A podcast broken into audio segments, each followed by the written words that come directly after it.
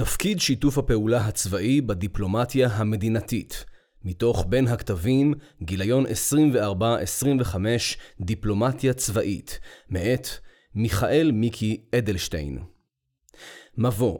חשיבות שיתוף הפעולה בין צבאות זמן מה לאחר שנכנס גנרל בדימוס ג'ים מטיס לתפקיד שר ההגנה, נפגשתי עמו לפגישת עבודה ביחד עם עוזרו הצבאי תת-אדמירל פאלר, כיום מפקד פיקוד סאוטקום. שר ההגנה פתח באמירה שמזה שנים רבות נבנתה עוצמתה של ארצות הברית על ידי הבריתות והשותפויות שהיא יזמה והובילה מאז מלחמת העולם השנייה. כיום, המשיך השר ואמר, בריתות אלו, אלו שחתומות ואלו שאינן חתומות, חשובות יותר מכפי שההיסטוריה במאה השנים האחרונות לימדה אותנו. ויותר מכך, הרחיב שר ההגנה, אני מסכים לחלוטין עם האסטרטגיה הצבאית שפרסם ב-2016 גנרל דנפורד, יושב ראש המטות המשולבים JCS, שקבע שהבריתות והשותפויות הינן אחד משלושת הנדבכים שעליהם יבנה צבא ארצות הברית את עוצמתו כצבא של מעצמת על. זהו נדבך משמעותי לאסטרטגיית בניין הכוח והפעולה הפעולה של צבא ארצות הברית להתמודדות עם אתגרים בשגרה ובחירום. שר ההגנה מטיס הדגיש שלישראל יש מקום מיוחד בקרב המנהיגות האמריקאית, בקרב העם האמריקאי ובקרב המפקדים בצבא ארצות הברית בעבר ובהווה. וגם אם אנחנו חלוקים בסוגיות מסוימות, המחויבות שנבנתה עם השנים היא מעל הכל. מטיס עצר לרגע והוסיף, אנחנו האמריקאים רגילים בכך שעל פי רוב אנחנו הם אלו הנותנים הרבה והצד האחר נותן הרבה פחות, אם בכלל. אבל יחס יחסי מערכות הביטחון האמריקאית והישראלית הם יחסים שונים, הם יותר דו-כיווניים. It's more of a two-way street. אבל באמת, הוסיף ואמר השר, אני יודע ואינני היחיד שבמישורים מסוימים אנחנו קיבלנו ומקבלים יותר. שיתוף הפעולה עם ארצות הברית כהמחשה. במאמר זה אבקש לעמוד על מקומם של שיתופי הפעולה בין צבאות, מה מניע שיתופי פעולה אלו, מה מותר עשייתו של הנספח בבניית שותפויות בין צבאות. אציג זאת דרך יחסי צבא ארצות הברית וצה"ל, לא רק נוכח תפקידי, אלא מהטעם שארצות הברית הינה בעלת הברית היחידה של ישראל בארבעת העשורים האחרונים, וכמעצמת על, ארצות הברית חותרת להישאר מעצמת על במאה ה-21. בתחילתם התעצבו היחסים בין צבא ארצות הברית לצה"ל בהתאם להתעצבות היחסים הבין-מדינתיים, אך בהמשך ניכר עד כמה ליחסים בין צה"ל לצבא ארצות הברית קיים מקום ייחודי ועצמאי משלהם, ועל כך שומר הפיקוד הבכיר משני הצבאות גם בעידוד המנהיגים באשר הם. ב-1947 היה הנשיא טרומן ראשון המנהיגים להתייחס לתוכנית החלוקה. תוך 11 דקות מהצגת התוכנית באו"ם הביע טרומן את תמיכתו בהקמתו של בית לעם היהודי.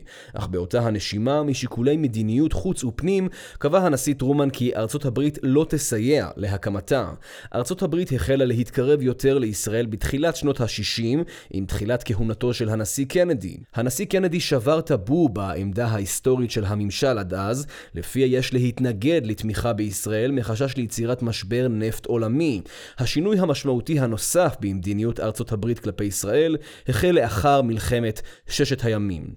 בראי היחסים בין הצבאות, השינוי המהותי התרחש מאוחר יותר, לאחר מלחמת יום הכיפורים ולאור תוצאותיה. מנקודת מבטו המקצועית של צבא ארצות הברית, הניצחון במערכה זו היה משמעותי עד מאוד, שכן כידוע זה היה קרב אחרון עד היום הזה, שבו שני כוחות מתמרנים בו זמנית. כך בראייתם, לוחמת תמרון תייצג מלחמה עתידית אפשרית באירופה בין ברית נאט"ו בראשותם לבין ברית ורשה, ובפרט בין הדוקטרינות והטכנולוגיות של המערב והמזרח. זה היה גם חלק מהשיקולים לסיוע שניתן מארצות הברית לישראל במהלך המלחמה כדי למנוע מפלה של יכולות אמריקאיות מול יכולות רוסיות. אחרי מלחמת וייטנאם ומעט לפני מלחמת יום הכיפורים הקים צבא היבשה, Army, את פיקוד TRADOC. בעקבות מלחמת יום הכיפורים שלח ה TRADOC צוות למידה ששהה בישראל למעלה משנה, ומשימתו הייתה חקירה של כל היבטי המלחמה. זאת על מנת לבסס את תורת הלחימה החדשה שהחלה להתגבש בשנת 1974, הגנה פעילה, ומאוחר יותר את תפיסת ALB, Airland Battle. בד בבד זכו הישגי צה"ל במלחמת ששת הימים ויום הכיפורים להערכה מקצועית רבה בקרב כל שרשרת הפיקוד בצבא ארצות הברית. מאז ועד היום רואה צבא ארצות הברית בצה"ל צבא חדשני ומנוסה, המהווה את אחד מהמוקדים המשמעותיים ביותר בעבורו ללמידה, על אף ההבדלים המהותיים בגודל הצבאות ובמאפייני האתגרים. תחילה היו אלה עולמות התמרון היבשתי והאווירי, אך בחלוף השנים, כתוצר של עולמות תוכן חדשים שהצטרפו לאתגרי הצבאות, כגון לחימה נמוכת עצימות והאיום על העורף הצבאי והאזרחי, העמיק שיתוף הפעולה לתחומים חדשים רבים, ובכלל זה מודיעין, פיתוח אמצעי לחימה ועוד. לכן בחרו צה"ל וצבא ארצות הברית להעמיק ולהרחיב את שיתופי הפעולה בתחומים חדשים שבהם שיתוף הפעולה הבינלאומי היחיד של האמריקאים הוא עם צה"ל. דוגמה כיצד נתפס השת"פ בעיני צבא ארצות הברית ניתן ללמוד מנאומו של גנרל ווטל, עת קיבל אות הערכה מהרמטכ"ל, רב-אלוף אביב כוכבי. זוכר אני כיצד בשנת 2005, כאלוף משנה מפקד חדש על הסוכנות להתמודדות עם מטענים, הגעתי ללמוד כיצד אתם מתמודדים בעזה ובלבנון עם מטענים מבית היוצר של איראן. מה שלמדתי פה הציל את חייהם של מאות, אם לא אלפי לוחמים אמריקאים. מאז אני מלא הערכה מקצועית לכם וחש מחויבות ערכית לצה"ל ולמפקדיו. ובהתאמה דבריו של מפקד חיל האוויר האמריקאי, הגנרל דולפין, בהקשרי לקחי חיל האוויר הישראלי בהפעלת מטוס האדיר. בשנתיים האחרונות אנו עדים לשינוי נוסף ומשמעותי ביחסי צבא ארצות הברית וצה"ל, בדמות האמון שמביע צבא ארצות הברית בטכנולוגיות הביטחוניות הישראליות כגון מעיל רוח וכיפת ברזל. זהו שינוי מהותי בעבור צבא ארצות הברית, הנוהג להתבסס כמעט רק על Made in USA. דבר זה נובע מצירוף דברים ועיקרם שצבא ארצות הברית למד בעשורים האחרונים עד כמה צה"ל מהווה כר למידה חשוב בעבורו, מכיוון שהאתגרים המשתנים המשתנים שעימם מתמודד צה"ל בהגנה ובהתקפה מקדימים בכמה שנים את המפגש של צבא ארצות הברית. לדוגמה, לחימה בסביבה רוויית אוכלוסייה ותת-קרקע. לכך מצטרפת הסיבה הנוספת והיא שצה"ל מציג טכנולוגיות מתקדמות שהוכיחו הצלחה בשדה הקרב. פריצת הדרך לאמון ולאימוץ טכנולוגיות ישראליות הינה תוצר של שיח ענף בין מפקדים ומפקדות, תהליך ארוך שהאמונים על השת"פ בשני הצבאות בנו אותו יחדיו.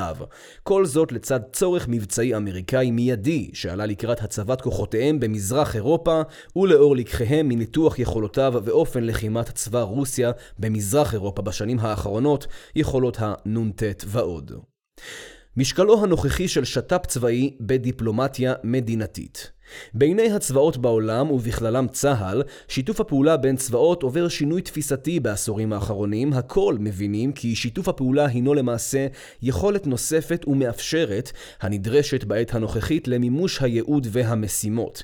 גם בצה"ל ובמדינת ישראל חל לאורך השנים שינוי מהותי באופן תפיסת צה"ל את ארצות הברית ואת צבאה כיעד לשת"פ. מצד אחד, שיתוף פעולה נמצא לכאורה במתח מול העיקרון הראשון במעלה בתפיסת הביטחון של של מדינת ישראל. מדינת ישראל תדע להתגונן בכוחות עצמה ותשמור על עצמאות חופש הפעולה. לצד זאת, הבנת חשיבות השת"פ והשלכותיו על הביטחון הלאומי, לצד עומק השת"פ והאמון שנבנה בין צה"ל וארצות הברית, הן בעיני המפקדים והן בעיני קברניטי המדינה בעשורים האחרונים, הביאו לכך שהשת"פ הבינלאומי שצה"ל מקיים והשת"פ בין צה"ל וצבא ארצות הברית בפרט, מהווים נדבך משמעותי באסטרטגיית צה"ל. למעשה, אלה נכתבו לראשונה כאחד מעקרונות תפיסת הביטחון הלאומי, כאשר בכל עת של תכנון שת"פ ומימושו, נדרש לחשוב כיצד משמרים אנו את חופש הפעולה של צה"ל ומדינת ישראל. ועדיין, במהלך כהונתי כנספח ההגנה, נדרשנו לא פעם לברר ולהחליט ברמה המטכ"לית כיצד לפעול מול הצבא האמריקאי, בכדי לשמר את נקודת האיזון לטובת העיקרון הראשון. לשת"פ שצה"ל מקיים עם צבא ארצות הברית ועם צבאות נוספים יש מישור חשוב נוסף. הדרג המדיני רואה בקשר בין צבאות אמצעי המאפשר שיח גם במקום שיש קושי במישורי שיח אחרים, ולעיתים אף ככלי למניעת מיסקלקולציה. זאת ועוד, בדומה לקשרים דיפלומטיים, גם קיומו של שת"פ בין צבאות הינו ביטוי להכרה הדדית בין המדינות על עשייתן. אך לשת"פ צבאי יש מקום ייחודי נוסף מעבר לעובדה שהוא עוסק בעולמות תוכן של ביטחון ושל דוקטרינה צבאית. דרך השת"פ מתקיים שיח השיח בין ערכי האומה, כפי שאלו באים לידי ביטוי בשדה הקרב, השת"פ בין הצבאות הינו ביטוי להכרה הדדית, והינו משמעותי מאוד בהיבט ההצהרתי בין המדינות ומול מדינות אחרות. לפני כמה שנים כאשר הגענו לביקור בטמפה במפקדת סוקום שבפלורידה, התבקשנו שלא להסתובב בסמוך למפקדת סנטקום הסמוכה, נוכח רגישות מדינות ערב לישראל. ההנהגה האמריקאית חששה מתגובת מדינות ערב הנמצאות תחת סנטקום.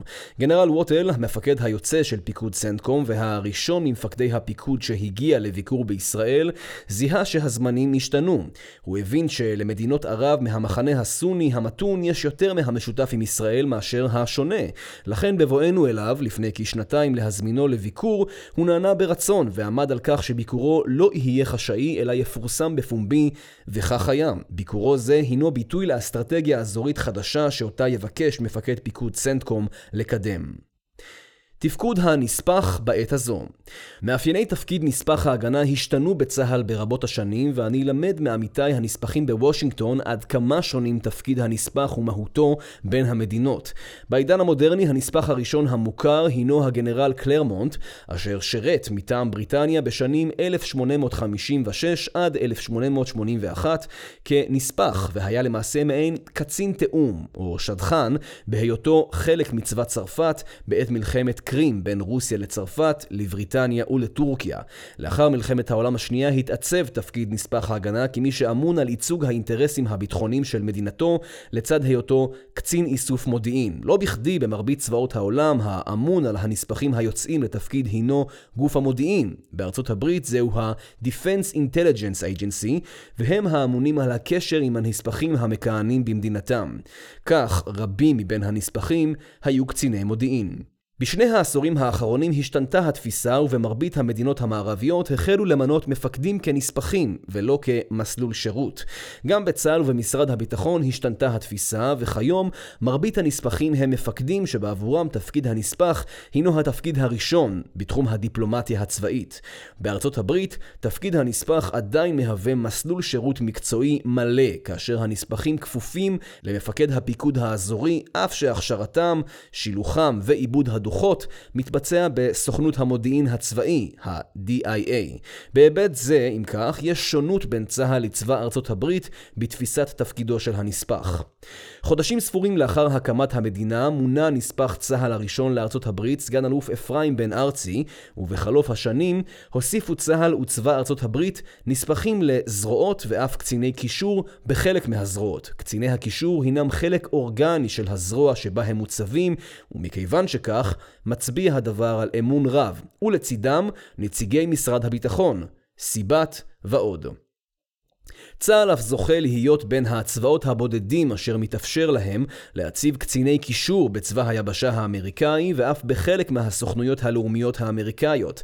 טרם הגעתי לארצות הברית נפגשתי עם שמעון פרס, זיכרונו לברכה, לשיחה על יחסי ישראל וארצות הברית, כאשר בתחילתה ציין פרס כי הנספח צריך לראות את עשייתו כמשפיעה בעבור מדינת ישראל לעשרות שנים, ולכן ההתנהלות בעשייתו צריכה להתנהל דרך משקפיים אלו.